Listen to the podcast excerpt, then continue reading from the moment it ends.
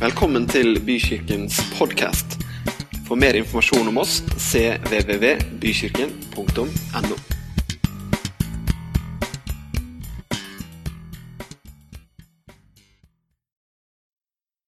Da er det en ny søndag. Nye muligheter, et nytt budskap. Vi, eh, vi skal inn i en ny uke i morgen. eh, Og temaet for den eh, uka som kommer da, det er nye mennesker. Jeg håper, jeg håper du har det bra da, med det du er med på. Jeg, eh, jeg er i hvert fall, syns det er veldig fint. Det er ikke så lange historier hver dag som man leser. Men eh, men det siger liksom inn når man får lest litt hver dag, får tenkt litt hver dag og følger den her kronologien da, i Johansevangeliet. Johannesevangeliet. Så jeg syns det er kjempefint. Eh, og vi har ikke kommet så langt inn i Johansevangeliet ennå. Eh, I dag skal vi inn i kapittel tre. Og som sagt, temaet er nye mennesker for den uka som vi går inn i nå. Og den tittelen er jo på, på sett og vis så er den litt dramatisk. Eh, Vi skal forholde oss til det som Jesus kalte å bli født på ny. Og det er jo en litt sånn spesiell uttalelse. Eh, Kanskje hvis du har vokst opp i kirke, så er du litt sånn vant til den, den, eh, den setningen. Det å bli født på ny. Og det er litt sånn Ja, men det er jo det er noe jeg alltid har hørt, og, og så videre. Men jeg tenker også hvis du ikke har vokst opp i kirke, da, og ikke har noe forhold til det begrepet, og du hører noen si det til at du, du må bli født på ny, så, så ser jeg for meg at ganske mange rister litt på huet og Ok, eh, bli født på ny. Og vi skal, vi skal møte en, en kar som på sett og vis reagerer litt på den måten. Ja, særlig liksom bli født på ny. Altså, hva snakker du om, egentlig? Men det at, det at Gud gjør noe nytt da, på en litt sånn dramatisk måte, det er det denne uka handler om. Eh, det er jo sånn at vi folk flest vi liker jo vi liker jo ofte fornyelse. Vi liker ting som er, er nye. Vi ble lei av det som er, og syns at det er, flott at det skjer noe nytt, som vi sier.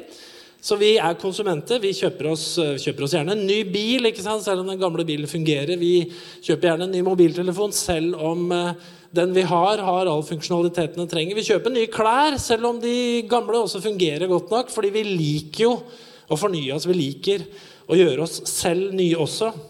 Og naturen gjør jo det samme. Den fornyer seg. Plantelivet blomstrer opp. Nå er det snart vår. Og det kommer til å bli grønt og fint, og blomstene kommer til å komme. Og så dør det bort, og så blomstrer det igjen når vannet og varmen kommer. ikke sant? Og da blir det nytt liv, da. Så det her med å gjøre noe nytt, det er, det er noe som ligger i naturen, det er noe som ligger i skaperverket. Og det er noe som ligger til Gud. Gud har på en måte alltid hatt det budskapet med seg gjennom hele Bibelen til mennesker som han har hatt med å gjøre. Jeg gjør noe nytt. I Jesaja 43, 19 så sier han til profeten Da handler jo det om Israel som Guds folk. Men han sier, 'Se, jeg gjør noe nytt. Nå spirer det fram. Merker dere det ikke?' Og det her har på en måte vært eh, en gjennomgangstone da, gjennom hele Bibelen. Nettopp det at Gud han gjør, han gjør noe nytt. Men den teksten som vi skal lese i dag, og det som Jesus snakker om å bli født på ny, det er enda sprekere enn fornyelse. Fordi fornyelse det handler jo om at noe som eksisterer, noe som er, det blir fornya, det blir fresha opp, det får en, en ny drakt eller noen sånne ting. Men når Jesus snakker om å bli født på ny, så handler det om noe som ikke eksisterte, kommer til eksistens. Noe som ikke var, det blir. Det handler det her å bli født på ny om. Jeg jobber I det daglige så jobber jeg eh, innen psykiatrien. Og når du jobber der, så er det hele tida sånn at man må balans, prøve å balansere forventningene da, mellom det som liksom ønsker man ofte har på vegne av mennesker, ønsker man har i jobben man gjør, at det skal gå mye bedre for noen. Så må man balansere det i forhold til å være realistisk. Og de som har jobba lenge med sånne ting, de blir ofte veldig sånn realister. da. Eh, og det skal mye til at folk som har jobba en del med mennesker på den måten, tar av og tenker at her kommer det til å se enorme forandringer på kort tid. Jeg snakka med en kollega, og vi samtalte om en person, og, og min kollega sa at Altså, Vi kan ikke regne med at det kommer til å skje så veldig stor endring der. Og så la, la det mennesket til Hvis ikke den personen får en religiøs opplevelse, da? Ja, det kan jo hende, sa jeg. Og så prata vi litt om det. Og det er jo Det er jo noe som er rundt oss, da. Og som folk forholder seg litt forskjellig til. Det er mennesker som har møtt Jesus, og som har fått livet sine forvandla. Og de har virkelig blitt nye mennesker. Jeg kjenner mange, og nå snakker jeg ikke profesjonelt, men jeg snakker opp gjennom livet, opp gjennom eh, oppveksten min, opp gjennom voksne år. Så har jeg vært borti ganske mange mennesker som har vært såkalt oppgitt av alt og alle. De har hatt liv som har vært helt i stykker. De har hatt liv som kanskje har vært prega av rus, prega av misbruk, prega av mishandel, hvor de har vært helt ferdig. Og så har de kommet og funnet troen, de har funnet Jesus, og så har de blitt helt nye mennesker. Og det er alltid fantastiske historier. Så vet også jeg at mange av de som har opplevd det eh, Mange har opplevd opp- og nedtur etterpå, men det fins veldig mange historier om mennesker som har opplevd at Jesus har vært det store vendepunktet, og de fikk et helt nytt liv etter at de møtte han. Så er det litt forskjellig hvordan folk forholder seg til det. Noen de liksom psykologiserer det veldig og ja, kobler det sammen med at de traff mange nok hyggelige mennesker i en kirke, og at det kunne skjedd hvor som helst, ikke sant, videre. Men mange vil heller ikke helt forholde seg til det at, at de historiene fins. Men de fins, og det er ganske mange av dem, og mennesker som møtte Jesus. Og alt ble helt nytt. I dag så skal vi lese en historie eh, om en mann som het Nikodemus, som en natt i ly av mørket kommer og banker på der hvor Jesus er, eh, og har lyst til å prate med Jesus. Nikodemus han, eh, han, var en fariseer. Eh, han var en av de jødiske lederne. Han var en skriftlærd. En av rådsherrene. Og det her er første gangen Nikodemus dukker opp i bibelhistorien her i Johannes når han kommer denne natta til Jesus. Seinere skal vi møte Nikodemus igjen, fordi at det ble jo en del saker rundt Jesus. Og En del av fariseerne ønska å straffe Jesus, de ønska å stille ham, og, og, og, det skulle kjøre rettssak, og det var anklager osv. Eh, og Seinere i eh, Johannes evangelium i kapittel 7 så er Nikodemus framme igjen som en del av historien, hvor han forsvarer Jesu rett til å ha en, en fair rettssak. Og når Jesus dør på korset han skal begraves, så er Nikodemus der igjen sammen med en som heter Josef, Josef fra Armathea, og har med seg 100 pund myrra. Og de balsamerer Jesus med det. Så Historien om Nikodemus starter her i kapittel 3 i Johannes, men den ender ikke der. Men teksten er interessant. Og vi leser Johannes evangelium 3, eh, vers 1-8. Det var en mann som het Nikodemus. Han var fariseer og en av jødenes rådsherrer. Han kom til Jesus om natten og sa, 'Rabbi, vi vet at du er en lærer som er kommet fra Gud.' 'For ingen kan gjøre de tegnene du gjør, uten at Gud er med ham.' Jesus svarte, 'Sannelig, sannelig, sier jeg deg, den som ikke blir født på ny, kan ikke se Guds rike.' Hvordan kan en som er gammel, bli født på ny? sa Nikodemus. Kan noen komme inn i mors liv igjen og bli født for andre gang? Jesus svarte, sannelig, sannelig sier jeg deg, den som ikke blir født av vann og ånd, kan ikke se inn i Guds rike. Det som er født av kjøtt, er kjøtt, men det som er født av ånden, er ånd. Undre deg ikke over at jeg sa til deg, dere må bli født på ny. Vinden blåser dit den vil, du hører den suser men du vet ikke hvor den kommer fra, hvor den farer hen. Slik er det også med hver den som er født av Ånden. Hvordan kan dette skje? spør Nikodemus. Og Jesus svarte, du er lærer for Israel og vet ikke det. Vi skal se litt på den teksten her, fordi det er en ganske interessant historie. Nikodemus rådsherren, fariseeren, skriftlærd. Selvfølgelig en som trodde på Gud. Selvfølgelig en som kjente Skriftene. Selvfølgelig en som ba sine bønner til Gud. Så kommer Jesus inn. Eh, det å være fariseer, det å være rådsherre, da var, du, da var, du, virkelig en del av det religiøse establishmentet i Israel virkelig. Og så har Jesus kommet. altså Han har jo ikke holdt på lenge.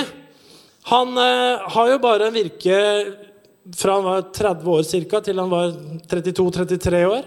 Så det Jesus gjør, det skjer i løpet av ganske kort tid. Men han gjør jo et veldig stort inntrykk. Og blant fariseerne så er det jo stadig diskusjoner om denne Jesus. Hvem er han egentlig? De følte seg nok både uh, litt nysgjerrig, de følte seg trua, de var undrende, noen av dem var veldig sinte, osv. Så, videre, og så, så Nikodemus hadde jo kjennskap til Jesus. Det at Nikodemus velger å komme en natt i ly av, av, av mørket, det forteller jo at det her var noe han egentlig ikke hadde lyst til å vise utad, at han skulle besøke Jesus. Det var ikke noe han gjorde offentlig. Men han var veldig nysgjerrig på Jesus, og han har kommet fram til en konklusjon. Og han sier, 'Rabbi, vi vet at du er en lærer som er kommet fra Gud.' 'For ingen kan gjøre de tegnene du gjør, uten at Gud er med ham.' Så Nikodemus han, han har kjennskap til Jesus. Han vet hvem Jesus er, men han kjenner ikke Jesus. Nikodemus anerkjenner at Jesus er et Guds sendebud. Han anerkjenner, han har altså anerkjent at Jesus kommer fra Gud. Nikodemus har nok ikke forstått at Jesus er Guds sønn, men han har forstått at han er en rabbi, en lærer som Gud er med. Han er oppriktig. Han, han stiller ikke spørsmål spørsmål om Jesus. egentlig. Han stiller ikke noe kritisk spørsmål og, og liksom sier 'Jeg har lurt på at kanskje Gud er med deg.' Men han er veld, veldig klar. Altså, Ingen kan gjøre de tegn du gjør, uten at Gud er med. Jeg forstår at du er en lærer som har kommet fra Gud. Sånn er det. Og det her er interessant med Jesus, for jeg tenker at den nysgjerrigheten på Jesus den er det mange mennesker som har i dag også. Man kan slåss og diskutere om religion, om kristendom, om kirkens historie, om alt som er galt, og alt som er rart, og alt som er feil, osv. Men veldig mange ganger så er det sånn at når man kommer inn på Jesus, hva han sa, hva han gjorde, så er det overraskende mange som er, som er veldig positive. Noen tenker på Jesus som en filosof og har vanskelig for å liksom se på Jesus som Guds sønn. Og kanskje er litt sånn som Nikodemus, som anerkjenner Jesus på en måte. Men kanskje ikke det guddommelige. Men veldig mange de er positive til Jesus. Det som imidlertid er litt spesielt, det er måten Jesus responderer på. For eh, Jesus svarer enkelt og greit, sannelig, sannelig sier jeg deg, den som ikke blir født på ny, kan ikke se Guds rike. Man kunne kanskje tenke at Jesus ville gitt Nikodemus en slags anerkjennelse da, på at han kom, og var så uforbeholden i sin anerkjennelse av Jesus igjen. Og sier at du, fra, du, kommer fra Gud. Det er ingen tvil. Jeg, jeg, jeg ser tegna du gjør, osv. Jeg syns liksom jeg hører meg sjøl, da. Hvis jeg hadde vært Jesus, og det er jeg langt derifra. Men jeg, jeg liksom synes jeg hører meg sjøl. Så bra! Så fint at du har kommet, da! Så, så, så bra at du har forstått det her, liksom. At det her har med Gud å gjøre. Og, og, og ja, kom inn, liksom, og la oss, la oss prate mer. og Det er tøft gjort av deg å ta den risken å komme hit i natt. og eh, Jeg skjønner at det kunne bli belastning for deg hvis du hadde blitt oppdaga. Sånn. Men du har skjønt noe her. Men Jesus han, han, sier jo ikke noe sånt i det hele tatt. Han bare svarer 'sannelig, sannelig sier jeg det'. Hvis ikke du blir født på ny, så kan du ikke se Guds rike. Det virker litt sånn plumpt. Og Det er egentlig en veldig sånn gåtefull uttalelse som Jesus kom med og ble født på ny. Og Spørsmålet er hvorfor gjør Jesus det akkurat på denne måten? Det må jo ha vært en grunn til at han gjorde det på denne måten. Det ser ut som Jesus bare står i døra og liksom bare slenger ut Altså Hvis ikke du blir født på ny, så kan du ikke se Guds rike. Og man kan se for seg spørsmålstegnet i Nikodemus' ansikt når han, spiller, når han, spør det her litt sånn fårete spørsmålet, som han skjønner er selvfølgelig et veldig dumt spørsmål. Hva mener du? Altså, hvordan, hvordan, kan jeg komme inn i min mors liv igjen og bli født på ny? Liksom? Hva, hva, mener du egentlig? Det er jo et sånt rart spørsmål. Og, og, da smeller det jo fra Jesus Altså, du er lærer for Israel og, og skjønner ikke det her. Uh, nei, det gjør jeg ikke. Så jeg, På en måte så virker det som Jesus er litt sånn lite imøtekommende når Nikodemus kommer. Men det Jesus var opptatt av, det var at uh, han måtte oppleve en åndelig endring på innsida.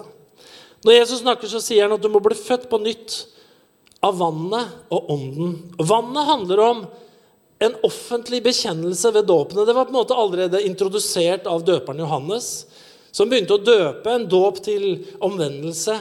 Så det at Nikodemus kommer litt sånn snikende om natta, det er ikke nødvendigvis noe Jesus syns er så fantastisk. Jesus sier 'vannet og ånden'. Da skal du bli født på ny. Og Nikodemus skjønte, tror jeg, når Jesus sier det med vannet, at det handler om dåp. Det handler om en offentlig handling hvor du gjør og bekjenner troen din offentlig. Det andre er selvfølgelig en referanse til Den hellige ånd, som skal gjøre et verk på innsida. Og det her forsto ikke Nikodemus helheten av. Men jeg tenker, som fariseer så hadde Nikodemus lært seg og vent seg til at det å se Guds rike, det å komme inn i Guds rike, tilhøre Guds folk, da, det handlet først og fremst om at han handlet riktig. Om at han fulgte de gudgitte skikkene som var gitt dem ved Moses. At han ba bønnene han skulle be. At han ofra de takkoffer som var påkrevd. At han gikk i de klærne som var riktige. At han spiste mat som ikke var uren, men som var ren. Rett og slett at han holdt loven og fulgte loven. Det var det som var viktig for Nikodemus. Det var det som var hans oppfatning om å være en del av Guds rike. Og det er det her som Jesus knuser. Og det er like relevant i dag, for det er det mange tenker, at det å se Guds rike, det å bli en kristen, det å bli født på ny, det handler først og fremst om å gjøre det riktige. At man får døpt sine barn, at man får stått sin konfirmasjon, at man får tatt og bedt sitt Fader vår i ny og ne, at man går i kirken til jul, at man sørger for å få en kristen begravelse. Og så er det på en måte man har gjort det rette. Jeg husker eh, Erik Bye. Eh, tidligere TV-kjendisen i Norge fra 60- og 70-tallet. Men han kom en film om han rett før han døde, som var veldig gripende, som het 'Høvdingen'. Hvor han eh, hvor var med på hans siste turné. Og da sa han Og nå skal ikke jeg dømme Erik Bye, men han sa, 'Og nå skal jeg snart dø', sa han. 'Og da skal jeg komme til Gud Fader der oppe, for det har kjerka mi lova meg', sa han. Så har jeg ingen tanker utover det. Men når Nikodemus møter Jesus, så møter han et annet svar. Du må bli født på ny. Det var ikke sånn at Jesus fordømte på noen måte at Nikodemus overholdt de jødiske skikkene. Og, gjorde alt det. og Jesus gjorde akkurat det samme. Han overholdt også de jødiske skikkene. Men Jesus visste at det i seg sjøl, det er ikke svaret. Svaret er det Den hellige ånd ønsker å gjøre. Svaret er ikke at du skal begynne å gjøre det som er riktig. Svaret er at Gud må gjøre noe i deg som skal vokse fra innsida og ut. Vi har to gutter, og jeg hadde gleden av å være til stede begge gangene hvor de eh, ble født. Eh, og det var uforglemmelige øyeblikk. Eller skal jeg si heller uforglemmelige døgn. Fordi det tok ganske lang tid, i hvert fall for de gutta våre, eh, å bli født. Altså, Man vet jo om noen, så vannet går, og så drar man til sykehuset, og en time seinere så er en velskapt baby eh, kommet til verden. Men sånn var det ikke for oss. Der dro vi til sykehuset, Og det gikk jo tid, og det gikk enda lengre tid. Og det gikk enda lenger enn lang tid. Og på begge gutta så tok det mellom 25 og 30 timer før de fødslene var fullendt. Så for dem å bli født, det var mer en prosess enn en plutselig hendelse, altså. Og det var ganske slitsomt for alle som var involvert i den prosessen. Og sånn tror jeg også det kan være når det gjelder tro. da. Det å bli født på ny. Jeg tenker at Noen mennesker opplever det her som et pang. Liksom at vannet går og man drar til sykehus, og så, man, så, er man født rett etterpå. Det å komme til Jesus kanskje skjer fort, i et øyeblikk. Du er et sted, du får en opplevelse, og så pang, så tar du imot, og så er du født på ny. Men jeg tror også at For mange så er det en sånn prosess da, som kan ta ganske lang tid. Som kan være ganske smertefull, hvor man må, man må kjempe og slåss. Både selv og de som er rundt deg, må kjempe og slåss litt før man kommer til det at man fødes. Og Jeg tror det ble sånn for Nikodemus ut fra historien vi leser. Det er ingenting som tyder på at her i kapittel 3 at Nikodemus tok imot Jesus som sin frelser, som han som har sona syndene hans. Men han fikk noe å tenke på. Når vi fører historien videre, så var det Nikodemus som var der når Jesus hadde dødd på korset og skulle begraves. På et eller annet punkt så hadde Nikodemus kommet til tro. Og det kan være sånn med deg også. Det kan være at det å bli født tar tid. Det kan være en smertefull prosess med mange spørsmål. da. Hva gjør vi nå? Og så videre. Jeg husker det var mange ganger sånn Eh, særlig med første mann som ble født eh, av våre gutter, så var det stadig spørsmål hva gjør vi nå? Hva er det neste steget? Hvordan skal vi gå fram videre? Og til slutt så husker jeg veldig godt, for man hadde jo måleapparater og det var jo skjermer overalt til slutt. Så husker jeg det kom inn en sykepleier og sa nå har ikke han det bra, nå må han ut. og da var det full fart ned. Og få gjort det med keisersnitt. Han kom ut og ble født. Og jeg tenker at Sånn kan det også være. At det å komme til tro, det å bli født på ny, kan også være en prosess. Og så blir man født, da. Og så kikker man ned på dem. Jeg kikka ned på mine gutter. Jeg husker det veldig godt. Holdt Det var to og et halvt år imellom hver av dem. Men begge gangene fikk jeg sitte, og så kikka jeg på dem, og så tenkte jeg Hvem er du? Man er nysgjerrig. Hvilke talenter har du, da? Hvilket lynne har du? Hvem er det du har arva temperamentet til? Hva kommer du til å bli? Hva kommer du til å gjøre her i livet? Det er blanke ark. Det er nye muligheter. Å bli født, det handler jo om å få starte livet på sett og vis på null, men allikevel ikke helt. Vi kommer nakne inn i verden, og vi reiser nakne herifra. Men når vi kommer inn i verden, så starter vi ikke helt på null, for vi, vi får oss vi får med oss en arv. Vi kommer inn i en familie. Vi arver noen gener. Vi, arver et miljø som vi får lov å komme inn i, som vi skal vokse opp i, osv. Så, alle har på en måte en litt sånn startpakke i den arven vi får. Og så blir det selvfølgelig etter hvert våre egne valg som styrer livet vårt. Men å bli født på ny det handler også om det her. Ved å ta imot Jesus, ved å bekjenne Han, så kommer vi til å bli født på nytt. Og vi får Gud som vår himmelske far. Og det å bli født, som sagt, det kan være lett for noen, det kan være en smertefull prosess for andre. Men så er det sånn at eh, vi begynner på én måte på null, men allikevel ikke helt. For vi kommer inn, og vi får del av Guds natur. Men det å bli født på ny, det handler ikke først og fremst om å innlemme seg i en filosofi eller et sett med religiøse ritualer. Ja, Det handler om at Gud ved Den hellige ånd gjør et skaperverk inni oss som gjør at vi fødes inn i en ny familie.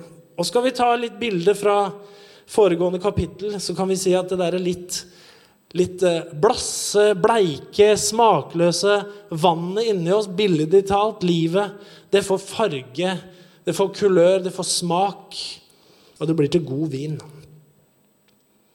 Og I 1. Korinterbrev 12,13 så sier Paulus for med én ånd ble vi alle døpt til å være én kropp, enten vi er jøder eller grekere, slaver eller frie. For alle fikk vi én ånd å drikke. Vi fikk samme far, vi fikk det samme livet i oss alle sammen som ble født av Gud. Og vi får lov å begynne på nytt, helt på nytt. Ingen steder i Bibelen så er det sånn at Jesus lover at det nye livet bare skal bli fantastisk. Livet som kristen er som livet for alle andre. Det er oppturer, og det er nedturer. Det er gevinst, og det er tap. Sånn er det. Det er gleder, og det er sorger. Og Skriften sier i Matteus 5,45, siste del, for han lar sin sol gå opp over onde og gode, og lar det regne over både rettferdige og urettferdige. Som andre ord, det er ikke så stor forskjell. Ytre sett så opplever vi det samme som andre mennesker opplever. Og Verken Jesus eller apostlene gikk gjennom livet uten å oppleve oppturer og nedturer gleder og sorger. Så kan man lure da på hvor kommer det her med Guds rike inn da? Altså Det må jo være noen, jo være noen fordeler, liksom, da, hvis det skal være noe vits. Men Gud er vår far. Jeg tenker Som, som far, som pappa, så, så, så, gjør jeg alt jeg kan. Og det tror jeg Gud gjør òg. Jeg gjør i hvert fall det. Eh, jeg prøver å gi gutta mine så mange fordeler som mulig. Jeg prøver å gi dem så mange fordeler jeg bare kan. Jeg prøver å gi dem de beste råda. Eh, den beste veiledninga jeg kan gi, den beste oppdragelsen jeg kan gi. Eh, jeg prøver ikke minst å forberede dem på det som kommer. da. At livet det kommer til å innebære oppturer og nedturer. Det kommer til å innebære utfordringer og kommer til å innebære tider når de må holde ut, hvor de må tåle press og ta de riktige beslutningene. Det ønsker jeg å gi dem en oppdragelse. Jeg ønsker å være en pappa som det er en fordel å ha. At det ikke er et minus i margen at jeg er faren deres. da. Men at når livet pågår, så ønsker jeg å være en ressurs for dem. Jeg ønsker å gi dem mine råd, jeg ønsker å stille opp for dem, jeg ønsker å støtte dem. Og kanskje noen ganger også økonomisk. Uansett så ønsker jeg å være en pappa som skal være et pluss. Når Gud er vår far, så er han for oss. Gud er med oss. Gud gir oss av sin kraft. Gud gir oss av sin herlighet. Gud gir sine ressurser til oss. Da Jesus gjorde vann til vin, så sies det at han åpenbarte sin herlighet. Og da Nikodemus refererer til alle tegnene som Jesus gjør, så refererer han altså Jesus til det å kunne se i betydningen av det. Se Guds rike. Uten at du blir født på ny, kan du ikke se Guds rike. Han fikk altså nye øyne. Så det handler ikke om å bare betrakte eller å anerkjenne, som Nikodemus gjorde, for han gjorde jo det. Jesus gikk omkring og gjorde under og tegn og underviste, og Nikodemus måtte ved mange anledninger ha vært der og sett på og i større og større grad så hadde han anerkjent at det var noe annerledes med Jesus. I større og større grad så hadde han anerkjent at Jesus måtte ha med Gud å gjøre. Det måtte han ha gjort. Men det Jesus var ute etter for Nikodemus, det var at han skulle få erfare det her med Guds rike. Du må bli født på ny. Og i slutten av det som egentlig seg bli, utvikler seg til å bli en monolog som Jesus holder til Nikodemus, så sier Jesus det her, som er en av, en av verdens mest kjente uttalelser, nemlig Johannes 3, 16-18. For så høyt har Gud elsket verden, at han ga sin sønn den enbårne, for at hver den som tror på ham, ikke skal gå fortapt, men ha evig liv. Gud sendte ikke sin sønn til verden for å dømme verden, men for at verden skulle bli frelst for ham. Den som tror på ham, blir ikke dømt. Den som ikke tror, er allerede dømt, for han ikke har trodd på Guds enebårne sønns navn. Og det, her, det er jo det her det handler om. At Gud har elsket så, verden så høyt at han ga Jesus for at hver den som tror på ham, ikke skal fortapes, men ha evig liv, og skal få en ny far i himmelen. Og det er budskapet Jesus har til deg og til meg. Det er at vi skal tro. Det er at vi skal ta imot, og det er at vi skal bekjenne. Og Jesu løfte i det her vi, det er at vi skal oppleve noe spesielt som kalles for gjenfødelsen ved Den hellige ånd. Så finnes det mange historier, og det har vi ikke tid til å dra fram her nå, men det er uendelig mange historier som, om mennesker som kan fortelle at det skjedde noe på innsida da jeg tok imot Jesus. Og det her er din mulighet. Kanskje du er en av de som har en trang fødsel. Kanskje du er en av de som liksom har drevet og kjempa med troen og kjempa med skal jeg, skal jeg ta imot det her nye livet? Men det kan du gjøre ved å bekjenne. Og Jeg skal avslutte med en bønn, og den kan du bli med på. Himmelske Far, vi takker deg for at du sendte din sønn Jesus til verden. Vi takker deg for at han kom, for at vi ikke skulle bare betrakte og se på avstand, men for at vi skulle oppleve deg som far. Takk for at Jesus døde og sto opp igjen fra de døde, og at han gjennom det kunne gi oss et helt nytt liv. Hjelp oss, Herre, til å ta imot dine gaver. Hjelp oss til å tråkke inn i ditt rike. Hjelp oss, Herre, til å ikke glemme din kraft. At du er den som gjør alle ting nye. Hjelp oss, Herre, til å forstå at du ønsker at vi skal erfare mer enn, mer enn vi skal teoretisere. Herre, takk for at du tar imot oss gjennom alle ting.